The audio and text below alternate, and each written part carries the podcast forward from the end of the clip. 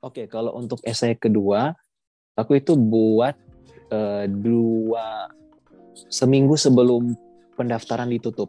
Aku nulisnya. Karena waktu iya benar.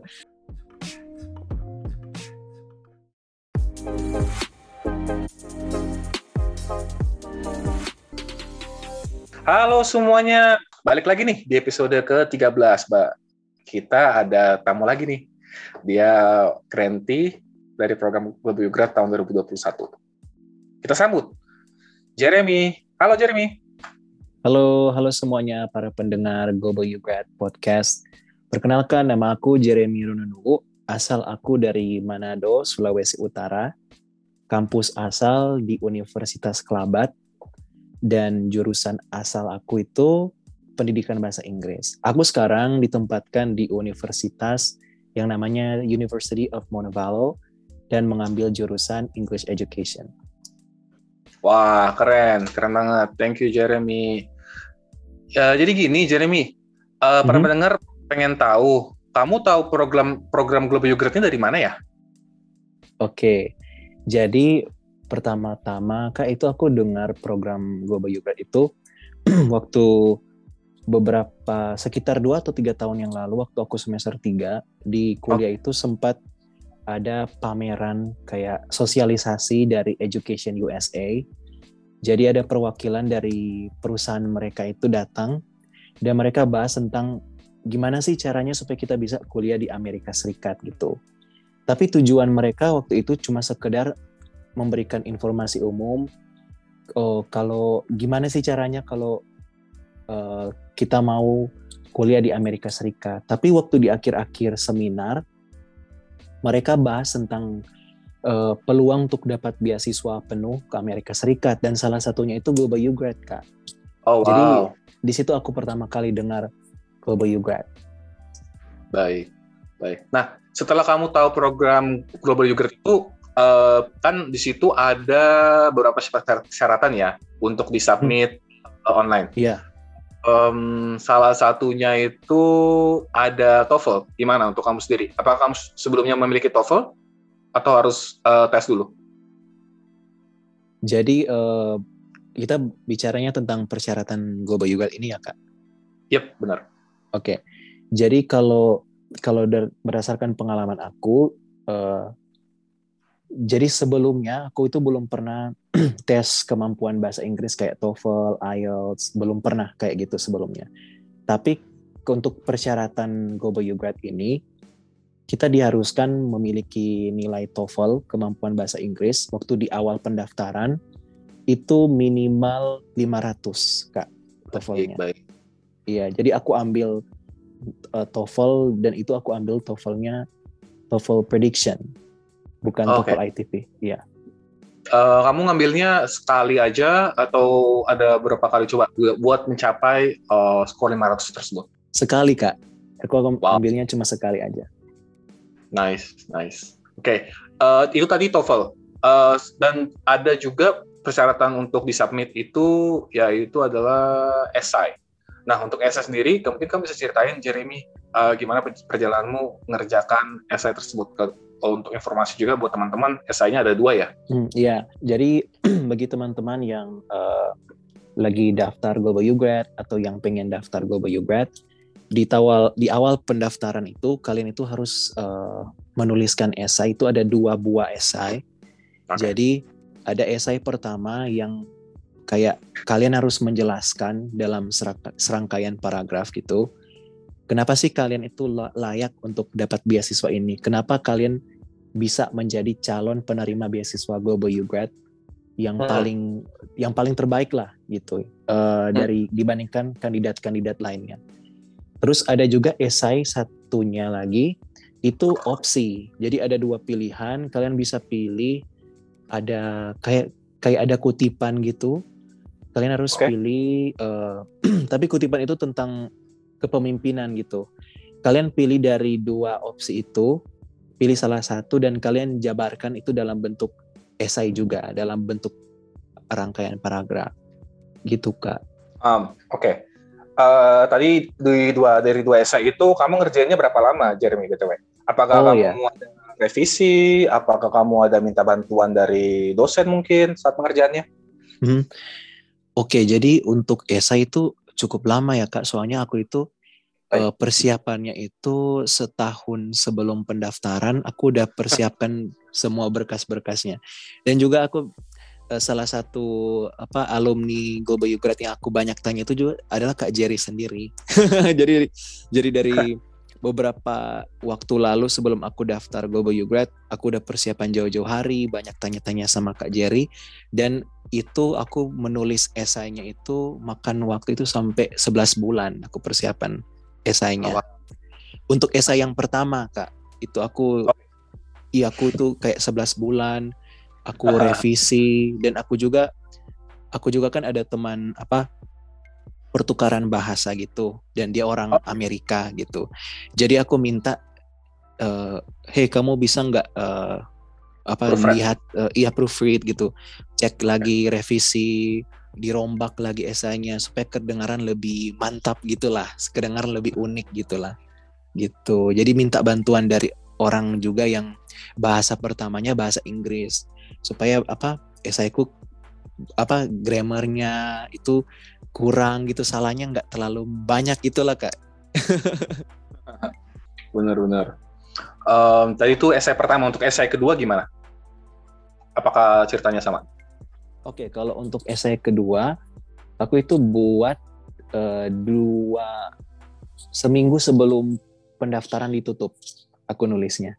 Karena waktu iya benar karena aku memang nunggu karena itu kan lebih ke pemim, ke apa berbicara ke pemimpinan.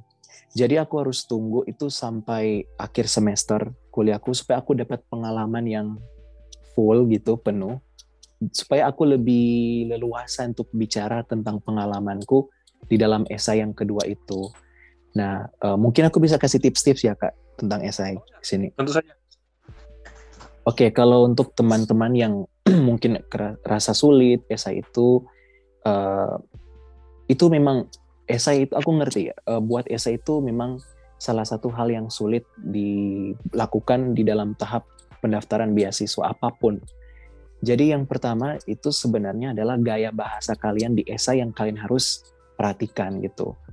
Buat gaya bahasa kalian yang unik gitu. Uh, kalian pasti pernah kan lihat atau baca novel uh, kan novel itu apa cara penulisannya, pemilihan kata-katanya itu kan lebih deskriptif, lebih menggambarkan gitu. Coba kalian cari ide-ide yang seperti itu dan kalian buat dalam bentuk uh, di dalam esai kalian, pemilihan kata kalian, pembukaan uh, esai kalian. Jadi aku kak waktu aku nulis esai kemarin itu aku aku nggak tulis kayak contohnya oh aku layak dapat beasiswa ini karena aku ini ini ini ini tapi hmm. aku buat kayak cerita kak gitu uh, jadi aku kayak iya kayak pakai analogi aku gambarkan diri aku itu seperti sebuah lilin dan sebuah pintu gitu.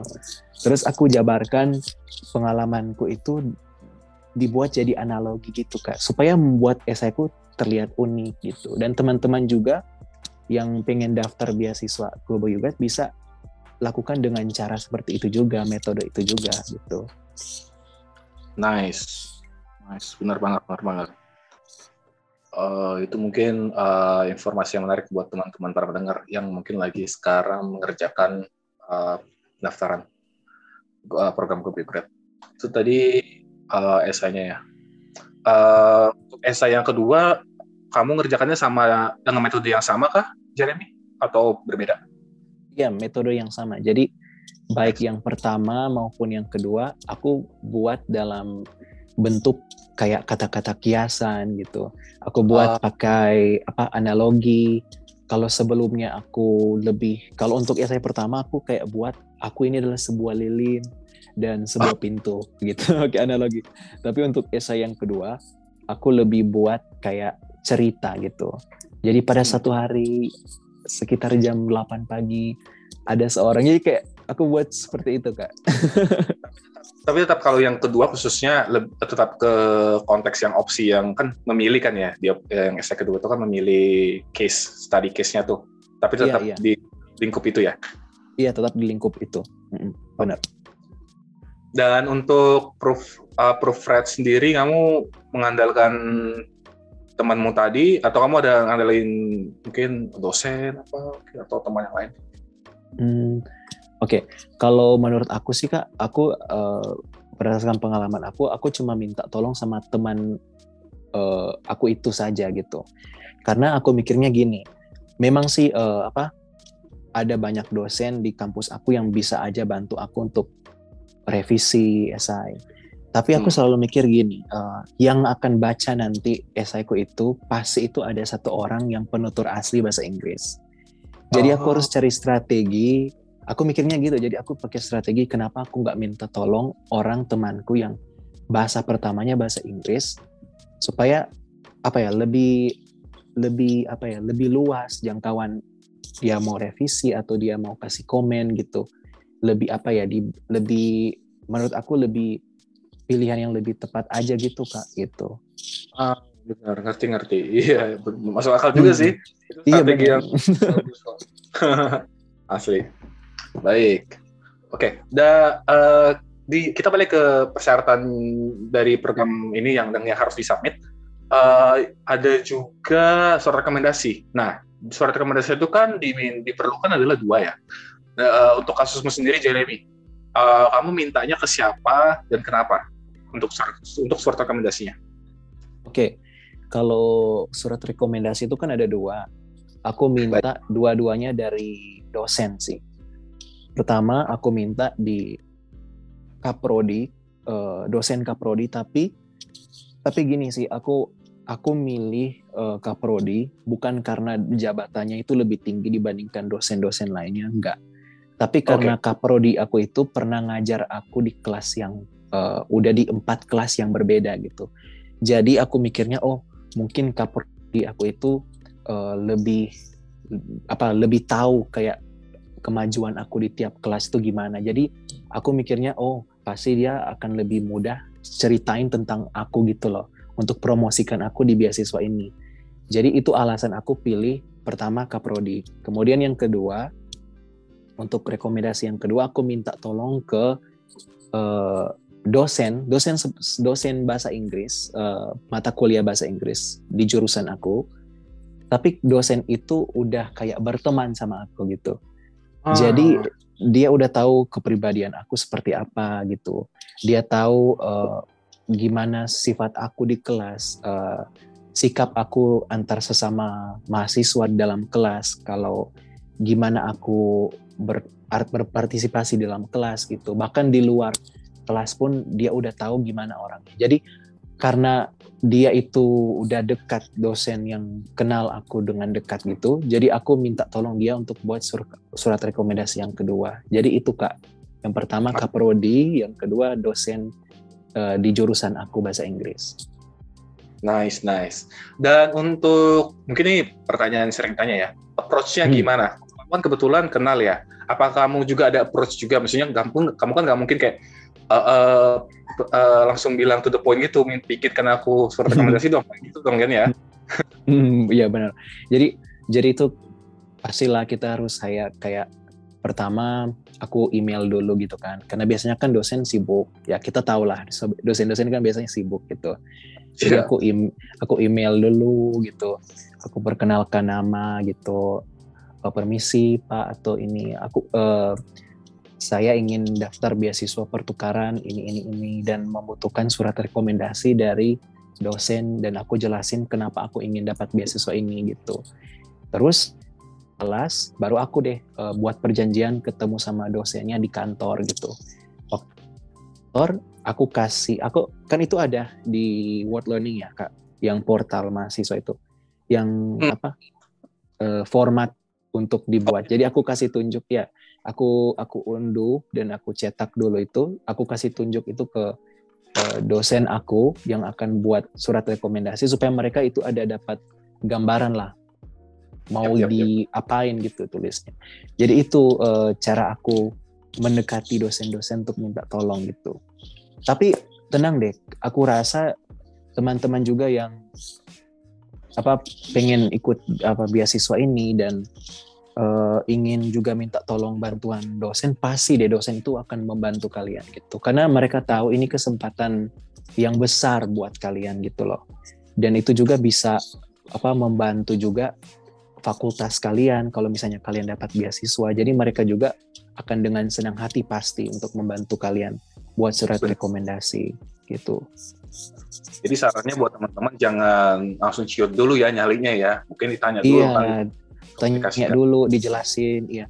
Pokoknya kalau dari aku sih anjuran aku pertama itu pilih dulu dosen orang yang tepat untuk kalian uh, minta surat rekomendasi. Itu pertama. Kedua, kasih alasan yang tepat kenapa kalian pilih dosen itu dibandingkan dosen yang lain. Terus uh, kalian kasih tahu juga apa apa sih keuntungan kalian kalau kalian ikut program so ini untuk diri kalian, untuk juga komunitas kalian gitu. Supaya dosen juga tahu oh ya, benar juga ya. Aku bisa dibantuin anak ini karena dia ngerti tujuannya untuk ketemu aku minta tolong sama aku tuh apa gitu jadi gitu Kak. Yap, yap, benar banget. Itu mungkin dari, dari uh, catat buat teman-teman ya yang mendengar podcast. Iya benar. Episode kali ini. Baik, oke kita lanjut ke tahapan shortlisted kandidat. Uh, hmm. Mungkin kamu bisa ceritain gimana perasaanmu pertama kali di email balik. Kan kamu udah daftar nih, udah upload semua uh, berkas-berkas yang harus diupload ke portal uh, pendaftaran, lalu kamu di beberapa mungkin sekian minggu di email balik untuk menjadi kandidat shortlisted interview. Itu gimana? Uh, Wah, iya. Uh, ceritanya. Hmm. Perasaan aku itu kayak senang banget kak, dan itu kayak nggak percaya sih. Soalnya waktu itu uh, kan itu sebulan kemudian baru kita dapat notifikasi di email gitu. Kalau kita jadi shortlisted candidates atau nah gini, kalau misalnya kalian nggak lolos di tahap selanjutnya, itu kalian nggak akan dapat notifikasi sama sekali, gitu loh. Tapi kalau sebulan kemudian kalian dapat notif, berarti kalian lolos wawancara. Itu kan untuk wawancara ya kak? Wawancara kan kak itu uh, yang shortlist oh, iya. candidate itu ya. Iya. Jadi ya. waktu itu aku itu kayak masih tengah malam itu kan, tengah malam jam 11 malam, aku udah mau tidur gitu. Keluar kling kayak keluar notifikasi wah aku lolos di tahap apa shortlist candidate untuk jadi untuk daftar apa untuk hadir di wawancara Global U Grad. Aku langsung lompat itu aku langsung senang banget gitu. Terus aku yang langsung kasih apa kasih tahu ke grup kan kita ada grup uh, Global U Grad calon-calon Global U Grad. Aku bilang, "Eh hey guys, guys, ini udah dapat pengumuman, coba-coba dicek lagi." Pokoknya uh, waktu itu udah kayak seru banget gitu. Itu sih kak. Asli asli. Nah kan kamu dapat uh, email ini berarti kamu lanjut ke step berikutnya. Nah tapi di step berikutnya ini kamu harus uh, interview nih. Nah itu gimana persiapannya? Nah kan kita itu waktu dapat shortlisted candidate um, apa ya kan dikasih nama-nama daftar dan jadwal wawancaranya kapan, jam berapa gitu. Jadi itu kita harus respon balik gitu, balas kembali uh, da pesan dari Fulbright Aminef kalau kita bakal hadir di wawancara atau enggak gitu kan. Dan kita itu hanya dikasih waktu dua minggu untuk persiapan wawancara gitu. Jadi selama uh, persiapan untuk wawancara itu aku banyak nonton video-video wawancara di apa YouTube gitu kan. Oh, okay. Kayak bukan hanya video apa wawancara beasiswa tapi juga aku nonton video wawancara kerja gitu. Aku pokoknya nonton semua. Ya aku rasa aku cocok gitu dan aku rasa membantu itu aku lebih perdalam banyak-banyak nonton di YouTube. Cara-caranya gimana ya untuk membuat uh, apa nanti jawab cara menjawab yang benar di di wawancara. Dan aku itu kak selama dua minggu itu aku rutin. Kayak setiap hari jam 9 pagi sebelum aku berangkat ke kampus. 30 menit lah luangkan waktu untuk menjawab pertanyaan uh, wawancara. Sorenya juga 30 menit. Jadi itu di aku buat rutin selama dua minggu kayak gitu kak. Pelatihannya Nah, dan itu kan um, melalui video ya. Tapi apakah kamu ada lakukan juga uh, latihan seperti kayak latihan beneran, kayak uh, reka reka adegan, oh dengan dengan teman ke dosen untuk pertanyaan interview ini? Kalau kalau minta tolong ke dosen untuk latihan wawancara enggak ya kak. Soalnya kan pandemi. Kita itu kayak oh. kuliah online waktu itu. Jadi yang aku lakukan ini kedengaran kayak gila sih ini. Tapi aku kayak ngomong sendiri di depan kaca gitu. Oh. iya karena karena mau gimana lagi kan? Uh, jadi aku di kamar di depan kaca aku latihan ngomong terus aku kayak pakai timer gitu penghit apa untuk lihat udah berapa detik aku ngomong. Supaya aku oh. latihan mungkin aku terlalu cepat ya ngomongnya. Aku aku mungkin terlalu jawabannya terlalu pendek gitu terlalu singkat. Itu aku ngomong di depan kaca gitu kak. Tiap itu tiap hari. Sepanjang dua minggu itu aku ngomong di depan kaca gitu kak. Ya. memang tapi intinya itu buat uh, ini ya melemeskan kita ngomong aja iya. gitu ya. Terutama kan mm -hmm. ini kan artinya full bahasa Inggris dong. Iya, supaya nggak terlalu gugup gitu dan udah terbiasa ngomong gitu kan. Apalagi kan bahasa Inggris kayak ini wawancaranya. Waduh. Iya. Gimana Jadi caranya harus... melatih melatih ngomong bahasa Inggrisnya itu ya? Iya, benar benar benar banget. Baik. Oke, tadi udah persiapan hari hanya. Gimana? Uh, apakah sesuai ekspektasi? Apakah apa yang kamu latihankan sebelumnya itu terbayarkan pada saat interview? Gimana ceritanya? Oke, jadi waktu wawancara itu kan kita wawancaranya online gitu, secara daring karena karena kan pandemi gitu. Jadi lewat Zoom, aku pakai baju batik gitu. Dan 30 menit sebelum wawancara dimulai, kita udah harus ada di ruang tunggu lewat Zoom, aplikasi Zoom. Dan sebelum kita dimasuk ruang tunggu Zoom itu nanti kalian akan dikontak sama petugas atau apa pegawai yang bekerja di Aminef untuk dokumentasi, untuk identitas gitu. Dan setelah okay. mereka foto KTP gitu, baru kalian dimasukkan di link uh, di tautan untuk ikut uh, wawancara lewat Zoom. Dan waktu di wawancara itu aku ketemu pokoknya itu ada empat orang. Pertama itu moderator. Kalau moderator itu orang dari Aminef ya kak itu. Iya, kalau nggak salah itu. Iya. Iya, Miss Nabila kalau nggak salah itu.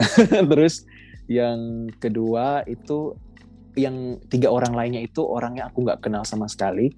Itu yang pertama pokoknya itu orang bule satu. Terus satunya ter, terus dua orang lainnya itu kayaknya mereka juga penerima beasiswa Fulbright gitu.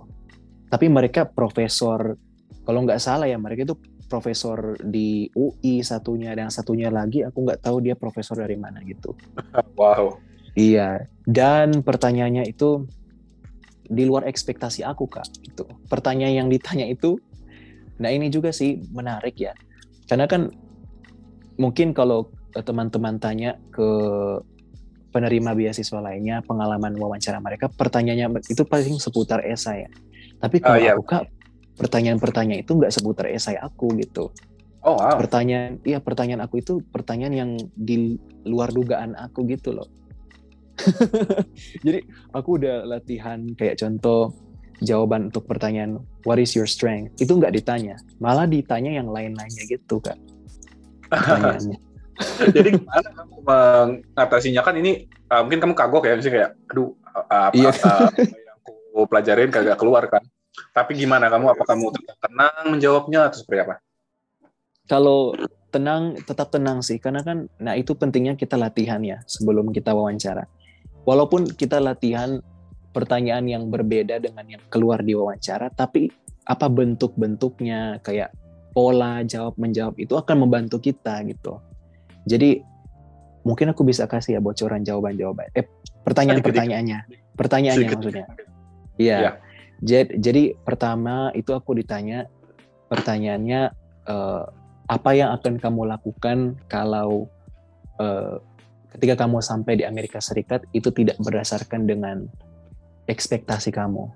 Bagaimana cara kamu menghadapi itu gitu loh. Nah untuk jawabannya itu kalian harus pikirkan dengan cara kalian sendiri gitu. Terus yang kedua itu mereka tanya kayak uh, ini sih. Ini yang menurut aku juga sempat membingungkan. Itu ditanya uh, apa sih kalian kalian tahu Amerika Serikat itu negara yang beraneka ragam gitu. Oh ya dari et, apa et, dari sukunya, orang-orangnya, warna kulitnya gitu atau ah, apalah gitu.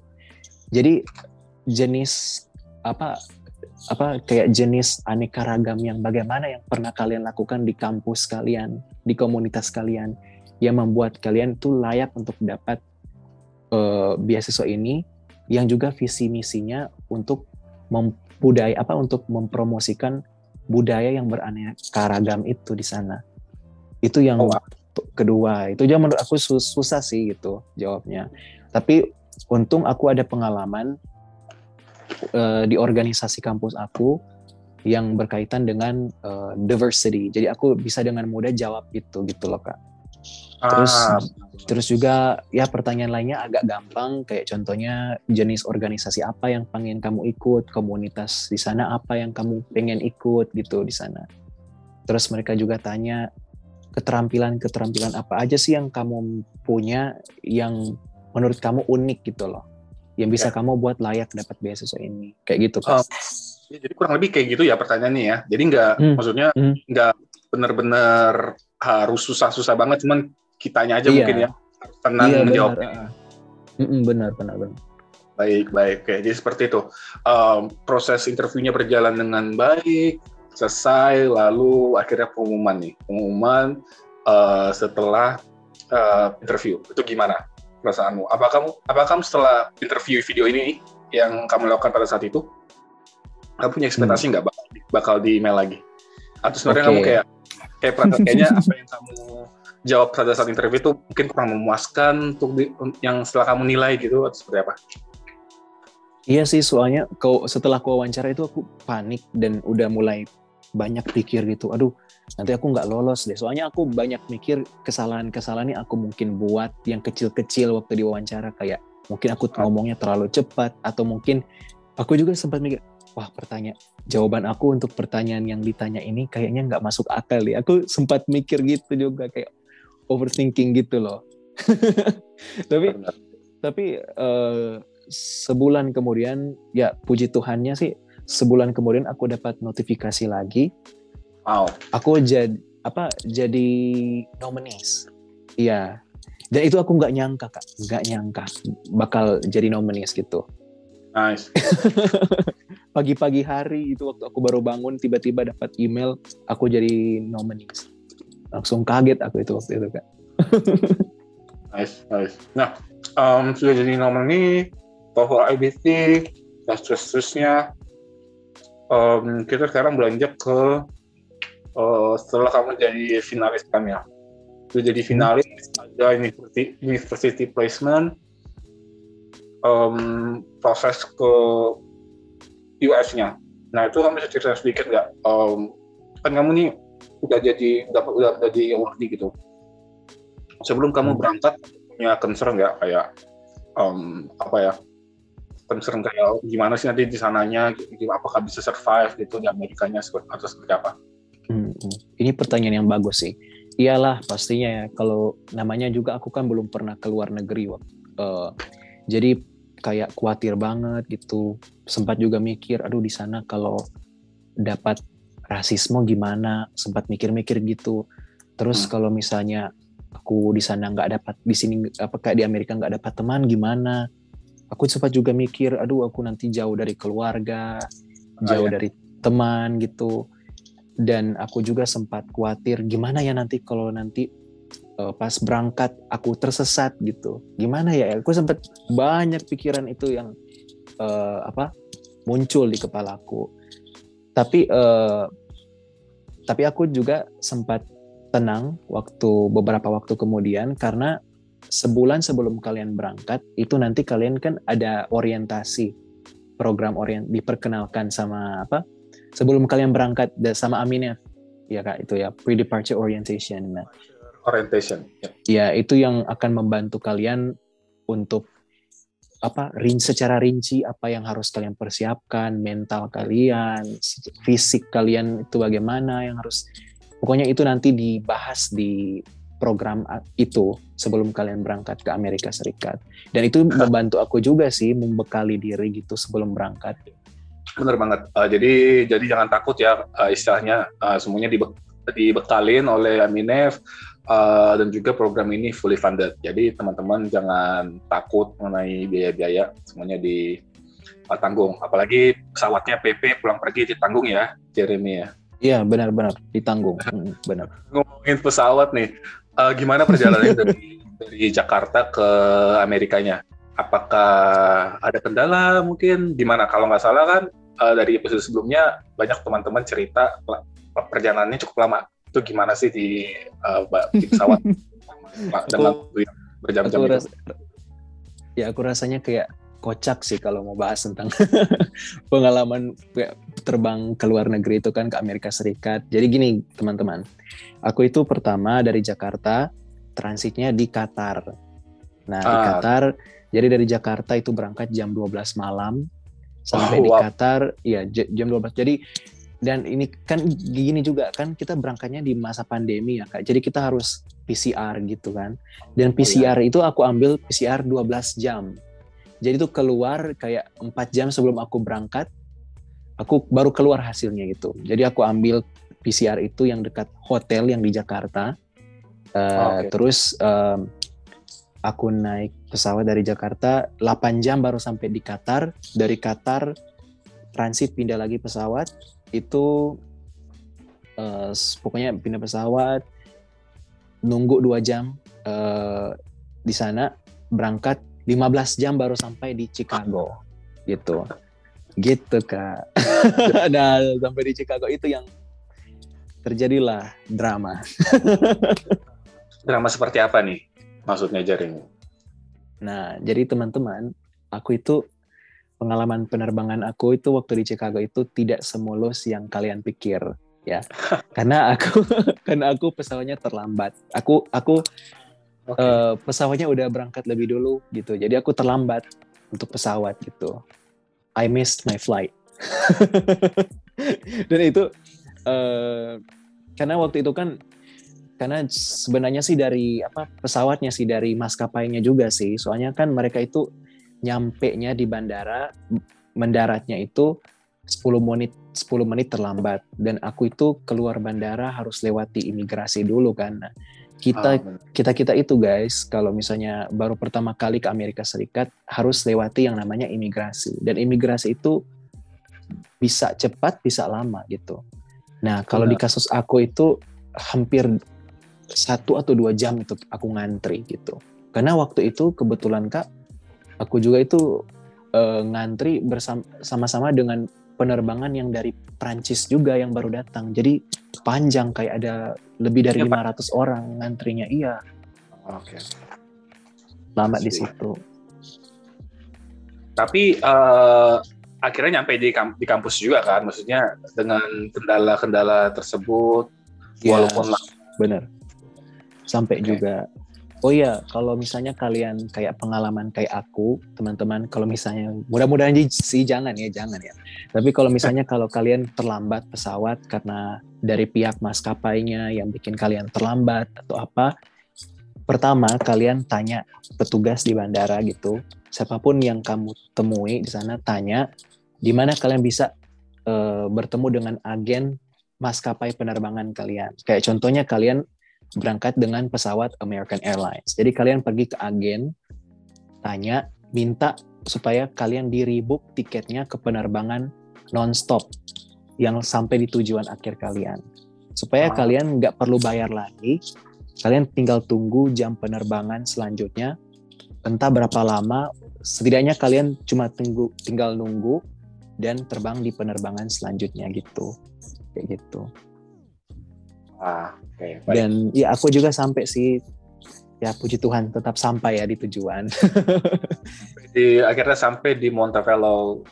Ya, Montevallo. Nice. Oke, okay, ngomong kan ini sudah sampai nih. Kita ngomong sekarang kita ngomongin uh, kamu kamu sudah di sampai di kampus, uh, sudah sampai di US, uh, berkuliah di Amerika. Um, saat di saat kuliah di Amerika, mungkin kamu bisa jelasin kamu ambil mata kuliah apa dan kenapa kamu memilih mata kuliah tersebut? Oke, jadi waktu aku nyampe dua hari sudah aku nyampe di kampus di asrama, aku ke, ke registrar kan uh, di di apa kampus aku terus aku konsultasi tentang kelas-kelas yang aku pengen ambil gitu hmm. jadi aku minta uh, untuk kelasnya itu uh, sebenarnya ada banyak pilihan yang pengen aku ambil tapi ada lebih baiknya aku tanya ke registrarnya karena registrarnya itu kan lebih pengalaman. Kalau kasih saran nasihat uh. gitu. Jadi teman-teman kalau kalian masih bingung oh, aku ambil kelas ini atau enggak ya? Kalian ke registrarnya aja di kampus. Terus minta saran uh, bisakah kalian bantu aku uh, ambil kelas sesuai dengan potensi akademik aku? Terus kalian juga kasih tahu kayak kelemahan kalian di bidang akademik yang seperti apa supaya registrar itu bisa kasih saran kelas yang sesuai dengan kalian gitu loh. Jadi aku ambil ke empat kelas. Pertama hmm. aku ambil educational psychology. Yang kedua aku ambil classroom management. Yang ketiga uh, Foundations of Oral Communications. Dan yang keempat itu Survey of American Cinema. Yang Survey of American Cinema itu yang kelas apa yang ada kaitannya dengan Amerika Serikat itu kak yang okay, harus kita ambil itu. Iya American Studies itu iya. Nice, nice. Nah kita ngomongin uh, perkuliahan di Amerika nih. Kan kamu udah kamu kan sudah jalanin uh, perkuliahan di sana. Mungkin kamu bisa hmm. jelasin, mungkin kamu bisa kasih sedikit uh, gambaran itu kan perbeda perbedaannya kamu jalani perkuliahan di Amerika dan di dengan uh, di Indonesia. Wah ini ini ini uh, pertanyaan yang unik sih ini uh, apa menurut aku beda banget sih kak. Soalnya kalau di Indonesia kan biasanya ya aku lihat kalau berdasarkan pengalaman aku kuliah di Indonesia itu kita kan biasanya jarang kan aktif di kelas gitu. Biasanya kita diam kalau misalnya dosen lagi ngomong kita diam. Dan hmm. biasanya kalau dikasih ruang pertanyaan itu kita banyak yang bengong, banyak yang malu bicara karena nanti dianggap apa kayak anggap di ambisi ambisi banget nih orang ini kayak gitu kan. Tapi di sini orang-orang bule itu kalau orang Amerika ya di dalam kelas itu mereka itu kayak cerewet gitu. Jadi mereka itu kayak ngomong gitu berpartisipasinya sangat tinggi dan uh. itu juga buat pikiran aku terbuka harusnya memang kelas seperti itu gitu loh harusnya memang kelas seperti itu. Jadi kayak nggak ada nggak ada itu satu satu orang yang di dalam kelas itu yang nggak ngomong. Semuanya ngomong. Jadi aku mau nggak mau harus berani juga ngomong di kelas. Iya. Nggak mau ya karena lingkungannya seperti itu ya. Iya terus uh, hal kedua juga yang menurut aku itu beda banget ya. Kalau kita kan kalau di Indonesia budaya san, sopan santun itu sangat kuat gitu kan. Harus okay. pakai rapi, kemeja. Tapi hmm. di sini ada loh orang yang datang pakai rok mini gitu. Ada. Oh, okay. ada orang uh, yang cuma pak tidak ada ini ya uh, uh, apa aturan tertentu itu mungkin kalau misalnya di kampus kan harus pakai sepatu harus kemeja iya. gitu kan hmm. nggak ada aturan kayak uh, apa ada yang aneh-aneh nih kayak rambut nama warna rambutnya gitu. Iya. Terus ada yang cuma pakai singlet, pakai baju olahraga di dalam kelas, bawa kopi, bawa makanan dan dosennya juga itu kayak uh, iya kamu kalian bisa makan dan minum sepuasnya kalian di kelas. Yang penting kalian nggak mengganggu orang lain bisa. Jadi aku juga lihat ada orang yang sambil apa dosennya ngajar gitu lagi hmm? makan, iya lagi makan, lagi minum gitu. Dan uh, itu itu yang kedua, yang ketiga itu dosen-dosennya dosen-dosennya di sini ramah, ramah banget dosen-dosennya. Oh, okay. uh, maksudnya aku nggak bisa sih ngomong secara umum ya untuk teman-teman new grader lainnya yang ada di kampus lainnya. Tapi kalau berdasarkan pengalaman aku di University of Montevallo ini, hmm? dosen-dosennya itu ramah banget, ramah banget dan mereka itu selalu menghargai opini kita walaupun opini kita salah gitu tapi mereka sangat menghargai apa yang kita bilang gitu loh dan oh, okay. mereka itu orangnya fleksibel gitu kalau misalnya kita ada uh, apa tiga jam satu hmm. pelajaran hmm. itu biasanya mereka akan ambil oh kalian istirahat 20 menit gitu. Jadi aku masih bisa tuh sempat-sempat ke dining hall ambil makan kak gitu. Bawa makan di oh, kelas iya. gitu. Iya kayak gitu kak. wow, nikmat banget ya uh, iya, kelas iya, jadi sambil iya, makan. Iya terus terus juga uh, apa? Aku juga pernah loh uh, kan aku pengen traveling kak gitu. Oke. Okay. Terus aku minta tolong sama dosennya, uh, bisa nggak aku ambil, padahal ada ujian mid semester loh ini. Ujian mid semester aku minta tolong ditunda di hari yang lain. Bisa kak, dikasih, di, diizinin. Waduh. Terus dosen-dosennya juga bilang, oh kamu exchange student ya? Bilang oh iya kamu harus jalan-jalan. Kayak apa profesor-profesornya di sini juga kayak mendukung kita untuk iya kalian harus jalan-jalan. Kalian waktunya di sini nggak banyak jadi kalian harus jalan-jalan tiap minggu ini. Jadi aku uh, semakin termotivasi gitu. Aduh, aduh aduh. Dan akhirnya bisa juga ya akhirnya terlaksana juga itu rencana yang tadi yang jalan tadi. Oh iya dong. Oh benar banget. Nah teman-teman uh, salah satu alasan kalian harus daftar beasiswa Global You Grad uh -huh. karena kalian itu kan jadi exchange student gitu dan kalian itu akan ada banyak kesempatan untuk traveling, jalan-jalan. Pasti okay. itu ada. Iya, jadi uh, traveling itu menurut aku penting sih kak, gitu.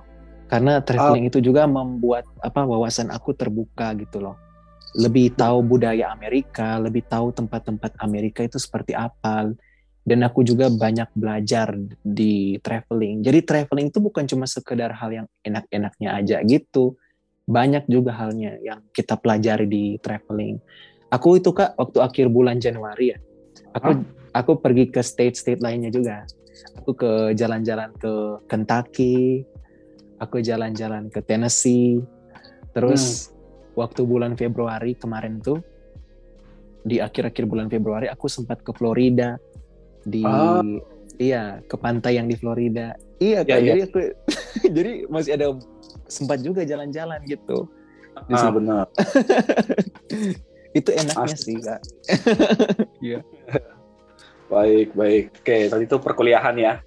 Um, tadi uh, kamu tuh kamu sudah jelasin gimana serunya perkuliahan uh, di kampusmu, mata kuliah apa yang sudah kamu ambil. Nah di program global global juga ini juga kalau nggak salah uh, para pesertanya itu uh, diwajibkan untuk mengikuti volunteering volunteering dengan jumlah sekian jam. Nah, untuk kasusmu sendiri gimana? Apa kamu sudah melakukan volunteering atau kamu mau melakukan volunteering dan ada rencana untuk untuk melakukan volunteering uh, seperti apa? Oke, aku uh, waktu hari Senin kemarin tuh aku udah pertama kali uh, apa lakukan untuk community service volunteer di apa apa di salah satu gereja gitu. Di ah, gereja okay. itu mereka ada dan aku aku terlibat di gereja itu. Jadi aku juga ikut komunitas gereja itu waktu aku nyampe di Alabama di sini. Mereka okay. itu ada rencana untuk pindah ke bangunan baru kan kak. Jadi mereka butuh orang-orang untuk bantu kayak apa untuk ngecat untuk vakum untuk bersih bersih dan aku bil apa aku jadi aku ambil kesempatan itu untuk lakukan community service itu selama 20 jam. Jadi aku rencananya oh. sih aku pengen apa luangkan waktu untuk di situ aja gitu. Karena aku iya ya? iya benar. Okay. Jadi aku udah mulai mulai di situ juga. Nah. Tapi enak kok teman-teman. Uh, gini ya, menurut aku community service itu bukan hal yang menurut aku yang membebankan. Ya. Iya enak itu. Iya itu enak banget kayak itu. Aku aku juga awal-awal kok 20 jam gitu ya? Tapi Jamnya enak. banyak. iya tapi enak. enak seru-seru juga itu. Karena kalian juga bisa ketemu orang baru teman-teman baru di situ. Pengalamannya juga enak karena kalian nggak sendiri. Kalian juga bekerja sama dengan orang-orang di komunitas itu gitu loh. Jadi enak. Dapat makanan gratis juga loh kak. Iya kan iya. saat melakukan pekerjaan pasti mereka juga nggak mungkin lah nggak ngasih snack kan ya nah, tapi tapi aku waktu itu hari Senin diajak ayo kita makan nanti di, diajak makan gitu dikasih kue gratis minuman gratis tapi nggak ada nasi ya ya setidaknya donat ya atau kue, iya, donat. gitu iya benar benar oke okay.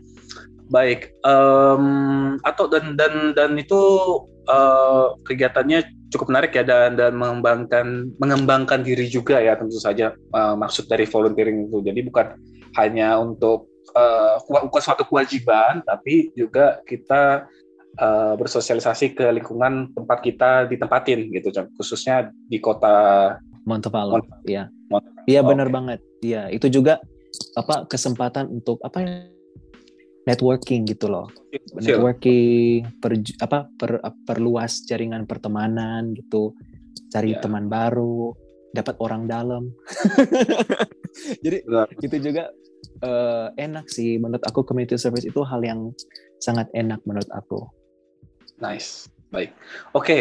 um, kan ini uh, kamu udah kamu kamu sedang menjalankan program Global Yugrat nih. Uh, kamu punya harapan nggak yang yang punya harapan yang ingin dicapai secara pribadi secara pribadi setelah kamu setelah kamu balik dan menyelesaikan program Global Yogurt ini. Secara pribadi harapannya.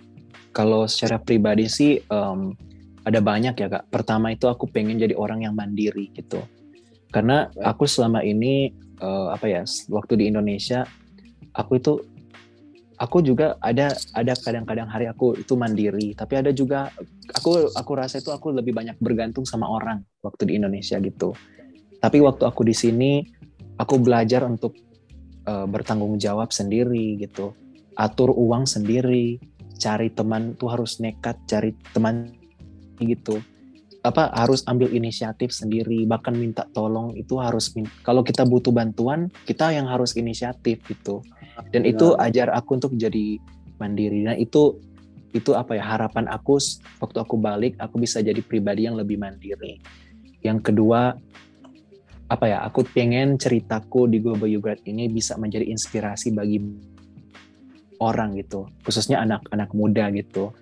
Aku pengen kayak pengalaman aku di By Grad ini bisa menjadi peluang bagi teman-teman yang Bapak dari entah kal dari mana latar belakang sosial mereka supaya mereka juga memiliki kesempatan yang sama seperti aku gitu.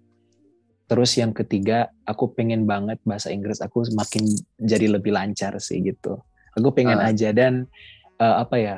Terus uh, yang selanjutnya aku itu pengen supaya jaringan pertemanan aku itu lebih banyak gitu. Uh, setelah aku balik ke Indonesia, aku masih ada koneksi lagi dengan orang-orang yang aku sudah berteman di sini gitu. Supaya nanti kalau ada peluang-peluang aku balik lagi, aku udah setidaknya ada orang yang aku kenal gitu lah kak. Iya uh. benar. Iya. Jadi itu sih beberapa saja dari harapan-harapan aku gitu loh kak. Untuk nice. apa untuk diriku pribadi gitu. Iya. Oh, nice, nice, keren, keren, keren, sangat menarik sekali. Ya, ya, semoga saja uh, ya, harapan tadi menginspirasi teman-teman semua ya, yang mungkin teman-teman uh, Amin. ini ya uh, terpacu motivasinya dan ingin seperti uh, Kak Jeremy ini uh, mau dan mau mendaftar untuk uh, program Global Geography di mana program Global Geography sendiri selalu dibuka setiap tahun ya uh, biasanya dibuka di akhir tahun di bulan November sampai Desember. Jadi teman-teman yang baru dengarin sekarang di awal tahun 2022 bisa persiapin diri kalian untuk uh, seperti di awal dijelaskan uh, ada beberapa berkas yang harus disiapkan untuk online submission seperti itu dan teman-teman juga kalau misalnya masih punya pertanyaan bisa langsung ke website aminef.or.id untuk informasi detail ya seperti itu. Nah, yang terakhir nih ke Jeremy mungkin hmm. jadi bisa bisa ngasih kasih kasih tiga tips buat teman-teman yang para pendengar podcast ini uh, untuk mendaftar Global Grads. Tiga tips okay. saja. Oke. okay. Tips yang pertama itu coba. Oke, okay. oh. satu kata, coba. Oh. Jangan dengerin uh, apa orang bilang, ih nggak usah, kamu kan nanti dikit lagi lolos kul lulus kuliah kok, nggak usah. Itu kan cuma sementara program beasiswa itu. Eits, hmm. jangan, jangan. Karena kesempatan itu nggak akan bakal datang ke kalian dua kali. Jadi oh. kalau kalian udah ada kesempatan dan kalian rasa ah, aku bisa deh, coba aja gitu. Karena aku juga pertama sebenarnya nggak ada visi yang jelas banget gitu loh untuk ikut program ini. Aku pertama coba-coba dulu. Yang kedua, kalau kalian udah melangkah untuk maju di tahap-tahap beasiswa seperti ini gitu, siapkan mental kalian. Entahkah kalian itu bakal lanjut di tahap-tahap selanjutnya atau enggak. Kalian harus siap mental gitu loh. Iya, itu penting banget.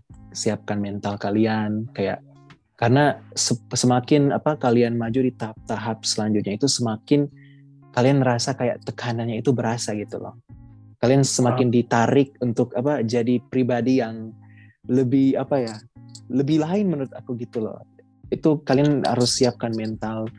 Dan yang ketiga jangan pernah malu bertanya kalau kalian bingung tentang apa dokumen-dokumen yang dibutuhkan untuk beasiswa di Global Ugrad atau kalian ada yang bingung di tahap-tahap ini jangan pernah malu bertanya. Karena itu juga yang aku terapkan waktu aku daftar beasiswa Global Ugrad aku banyak tanya ke alumni alumni ke Kak Intan Kak Jerry juga. Aku tanya hmm. juga ke Kak Laode banyak banget uh, apa yang aku tanya bahkan apa saling komunikasi juga antar sesama Ugrader gitu gitu jadi itu sih tiga tips dari aku kak untuk wow pen, pendaftar Global Ugrad. Thank you, thank you banget Kak Jeremy. Ya, uh, tiga tips tadi juga mengakhiri podcast episode podcast kali ini ya teman-teman. Jadi teman-teman yang mau daftar, ayo silahkan daftar. Program Global Ugrad selalu ada di setiap tahunnya. Dan juga buat teman-teman jangan lupa buat subscribe podcast ini ya karena di episode berikutnya kita bakal banyak lagi uh, teman-teman yang uh, bakal menceritakan cerita inspiratif mereka uh, menjadi uh, penerima pro, uh, beasiswa pro, program ini. Uh, yaitu teman-temannya Kak Jeremy ini ya. Jadi masih masih banyak, masih ada 12 orang ya di, ya, di masih banyak. Di, banyak semua. banget ya. Hmm. Oke teman-teman, terima kasih banyak sudah meluangkan waktu kalian untuk bisa mendengar podcast Global Yoga Indonesia pada episode kali ini. See you in the next episode guys. Bye. Bye.